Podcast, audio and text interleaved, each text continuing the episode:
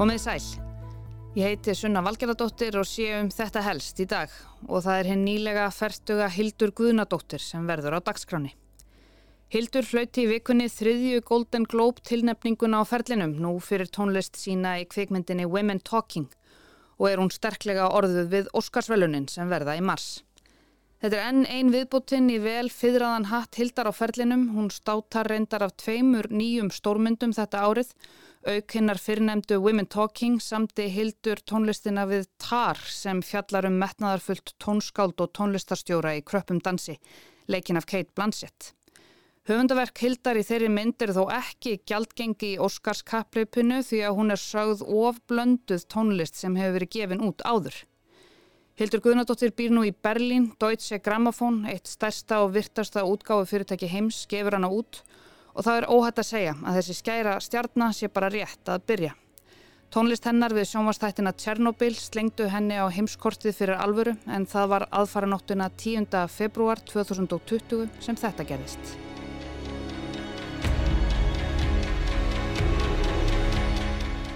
And the Oscar goes to Hildur Guðnadóttir, Hildur Guðnadóttir er eini Íslandingurinn sem á Óskarsvæluna stittu heima hjá sér og þriðja konan í heiminum sem á svoleiðis fyrir kvikmyndatónlist. En þó að Óskarinn sé sjálf og sér ekki stór þá er líklega lítið pláss fyrir hann í hillunni hennar Hildar því í dag hefur hún unnið til meira en 40 virtra verlauna fyrir tónlist sína og verið tilnæmt jafn oft. Fyrir utan gullkallin á Óskarnum hefur hún til dæmis unnið Grammy, Emmy, Primetime Emmy, BAFTA, Golden Globe og svo auðvitað Edduna okkar og Íslensku tónlistavelunin. Ég ætla að leifa þeim að fljóta hérna með í upptalningunni. En það var Óskarinn sem er nú óumdelanlega talinn stærstur og orð hildar í þakkaræðu sinni vöktu ekki síður aðtikli. To the girls, to the women, to the mothers, to the daughters who hear the music bubbling within Please speak up. We need to hear your voices. Til stúlknanna, kvennanna, maðranna og dætrana sem heyra tónanna krauma innra með sér hækki rómin. Við þurfum að heyra rattir ykkar. Hildur Yngveldadóttir Guðnadóttir á ekki langt að sækja brautriðjandagenin en hún er barnabarn doktor Margreðar Guðnadóttir sem var fyrsta konan til þess að hljóta prófessorsembætti við Háskóla Íslands þá 39 ára gömul á svipuðu skeiði og Hildur var þegar hún tók við Óskarnum en hún varð færtug núna í september. Fóreldrar Hildar eru þau Yngveldur Guðrún Ólafsdóttir óperusöngvari og Guðni Fransson, tónskáld og klarinettuleikari. Hún er gift bandaríska tónskáldinu og tónlistarframleðandanum Sam Slater sem er líklega hvað þekktastur fyrir tónlist sína úr tölvuleiknum Battlefield 2042 sem þau hjóninn söndurindar saman.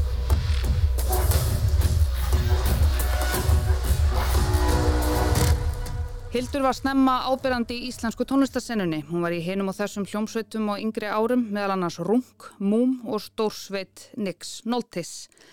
Þegar hún var 15 ára, 1998, var hún til viðtals í feminíska tímaritinu Veru þar sem hún rætti úreltar staðalýmyndir, útlitskröfur stúlkna og tilfinningavanda stráka. Að mínumatti eru stelpur með lélæri sjálfsýmynd en strákar og þær eru óryggari með sig.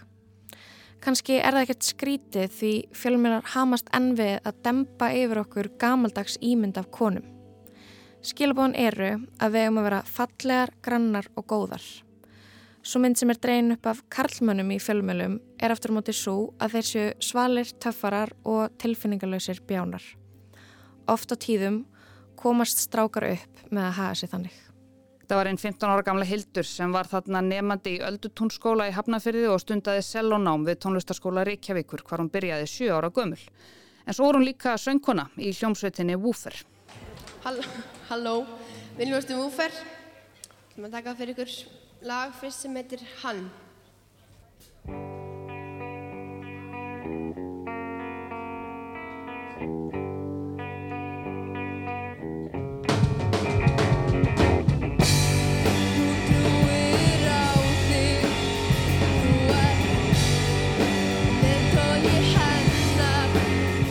Þetta voru músiktilraunir 1997.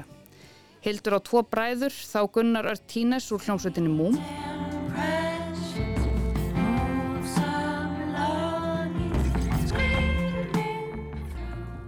og Þórarinn Guðnarsson úr Agent Fresco.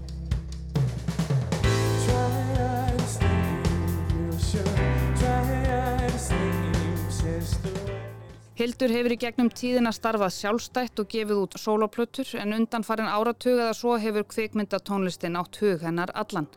Hún vann lengi náið með tónskaldinu Jóhanni Jóhansinni heitnum og hefur sagt að það samstarf hafi í raun komið henni á kortið í heimi kvikmyndatónlistar. Ég næði því miður aðeins að stikla á stóru í þessum þætti um Hildi Guðnadóttur ferill hennar er risa stór. En þekktustu tónverk hennar eru þau sem hún gerði fyrir sjónvastáttaröðuna snildarlegum Tjernobyl sem er í fymta sæti á Internet Movie Database yfir bestu sjónvastætti sögunar. Geislaverki hljóðheimurinn sem hildur samti í kringum helvitið sem skapaðist eftir slesið er nánast áþreifanlegur. Maður getur eiginlega fundið lyktina af tónlistinni.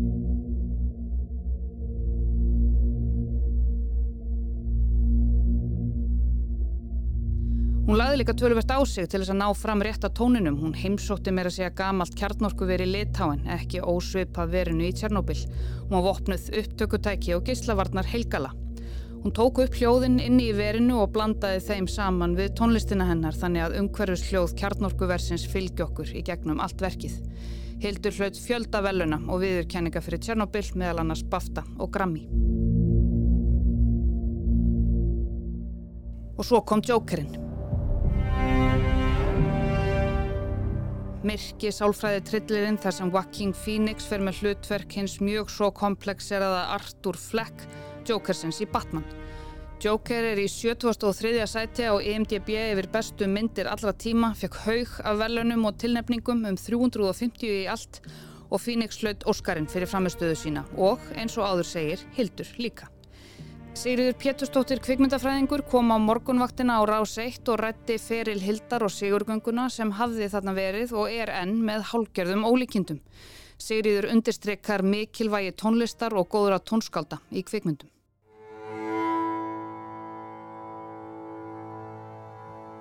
Það er, er flókið að gera góða kvikmyndatónlist því að hún þarf að segja söguna, ekki síður heldur en það sjónræna, stiðja undir sjónræna frásögn. En síðan eru aftur á móti þeir kvikmynda, kvikmyndatónlist tónskáld sem hafa náðlánt og eru best, þau eru líka með sterk höfundaenginni. Þannig að sá línu dans að fullkomna það að vera með þessi sterku höfundaenginni en taka samt ekki aðtiklina frá þessu sjónræna Það er alveg ótrúlegu línudans og höfundaenginni hildar eru mjög sterk. Þið vitið um leið ef að hildur eru sem er tónlist.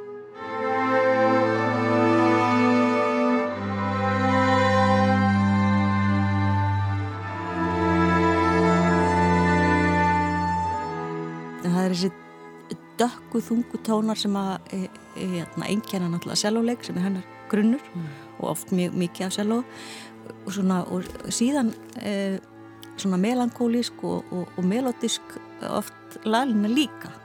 Og þessi, þetta, þetta sérkennilega góða sambland af því uh, verður alveg algjörlega heillandi.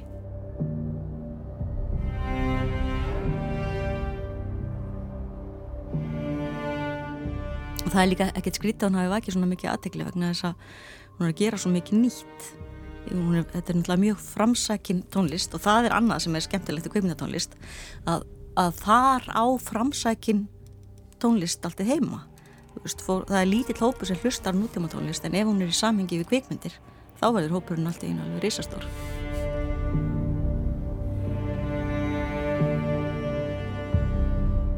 Ég man eftir því sem sagt 2012 til dæmis þá vakti hún mikið, mikla aðdegli fyrir tónlistina sinna við Kapringen mynd eftir Tobias Lindon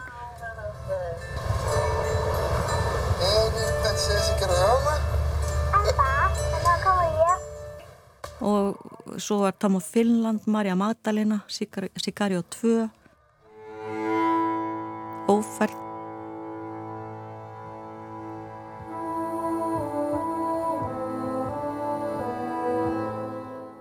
voru margi sem spurði mér í Breitlandi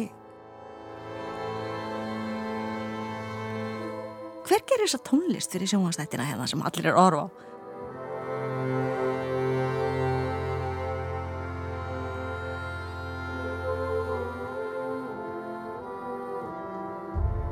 Sæði Sigriður Peturstóttir, kveikmyndafræðingur En Anna Marsibil Klausen, dagsfrágerðarkonna á Rás 1, var í Los Angeles kvöldið stóra í februar 2020 og hitti Hildi morgunin eftir Óskarsvöldunni. Og, og þessar tvær sögur voru alltaf brjálæslega ólíkar, hérna, annars vegar af því að hérna, Tjernobyl er alltaf umverulegur atbyrður sem að hérna, hefur haft alveg brjálæslega áhrif á svo mikið fólki sem er ennþá á lífi í dag og það mér fannst svo ótrúlega mikilvægt að vera hérna vera heiðarleg og vera ekkert að hérna, búa til einhverja dramaversjonir af, af, af þessum atbyrðum og ég reyndi að vera eins svona hérna uh, kafa eins djúft í hvað það er að vera í þessu umhverfi og hvernig hérna hvernig uh, hvernig, já, hvernig geyslavirkni hljómar og hvernig mann getur mögulega liðið að vera vera, vera inn í þessari brjáluðu geyslaverkni og, og vera inn í þessu umhverfi, vera inn í þessari hérna, brjáluðu verksmiðum sem eru svo, eru svo rosalega stóri geymar og að ímynda sér hvernig það er að vera hérna inni og fá hana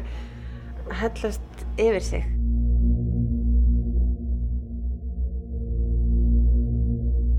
Og nú, tæpum þremur árum síðar er Hildur aftur komin á forsýður allra helstu menningamidla heims.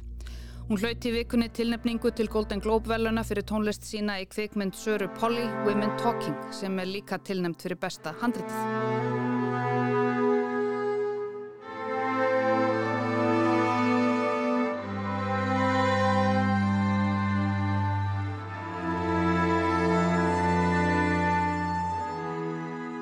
Kvikmyndin fjallar um líf hvenna sem búa einágraðar í trúarlegu samfélagi með allri þeirri kúun og öllu því ofbeldi sem því oft fylgir. Hildur saði við Variety að það hafi verið mikil áskorun að semja tónlistina við myndina, reynslu heimur hvennana hafi nánast lamað sig. Hún gati fyrstu ekki nálgast tónlistina vegna reyði sem var svo mikil að hanna langaði einfallega að lemja einhvern.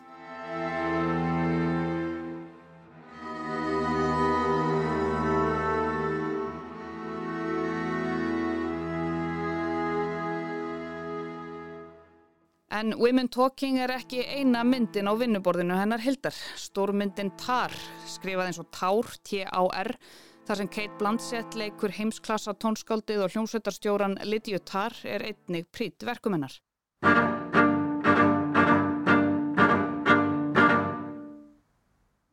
Tar er í myndinni að undirbúa sig fyrir fluttning á stóri symfoníu en kemst svo í hann krabban eins og maður segir stundum. Öll tónlistin sem Tara á að vera semja og heyrist í myndinni er eftir Hildi. En Todd Field, leikstjóri myndarinnar, segir tónlist Hildar gríðarlega mikilvæga fyrir verkið og í nýleiri umfjöldun Hollywood Reporter kom fram að við sumartökur hafi Blanchett verið með tónlist Hildar í eironum. Tar hefur hlotið mikið lofgagrinenda og snjöll markaðsetningin er byggð upp eins og sagan sé byggð á sönnum atbörðum um stórmestaran Lydiu Tar, T-A-R-R, fyrstu konuna til þess að stjórna þískri stór sinfoníuljómsveit. Á heimasíðunni classicalmusic.com stendur þó. Þér er fyrirgefið þó þú hafið aldrei heyrt um heimsfræga tónskáldið og hljómsveitarstjóran Lydiu Tarr. Ástæðin er svo að hún er ekki til.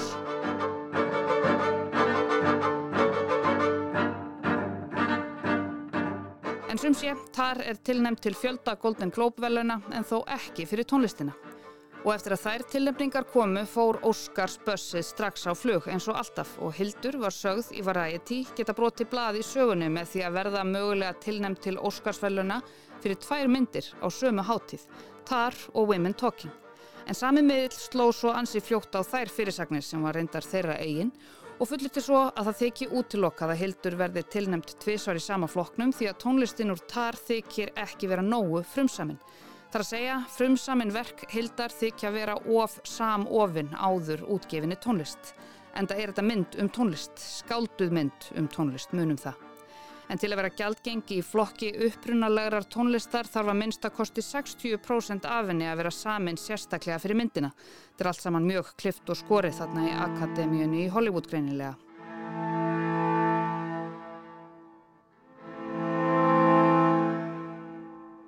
Og við þurfum sem betur fyrir ekki að býða neitt voðalega lengi eftir fleiri ákverðunum þaðan því að Golden Globe verðlunin verða afhengt 10. janúar 2023 í Los Angeles og Óskars tilnefningarnar verða gerðar opinberar tveimur vikum síðar 24. janúar og þá bara að krossa fingur.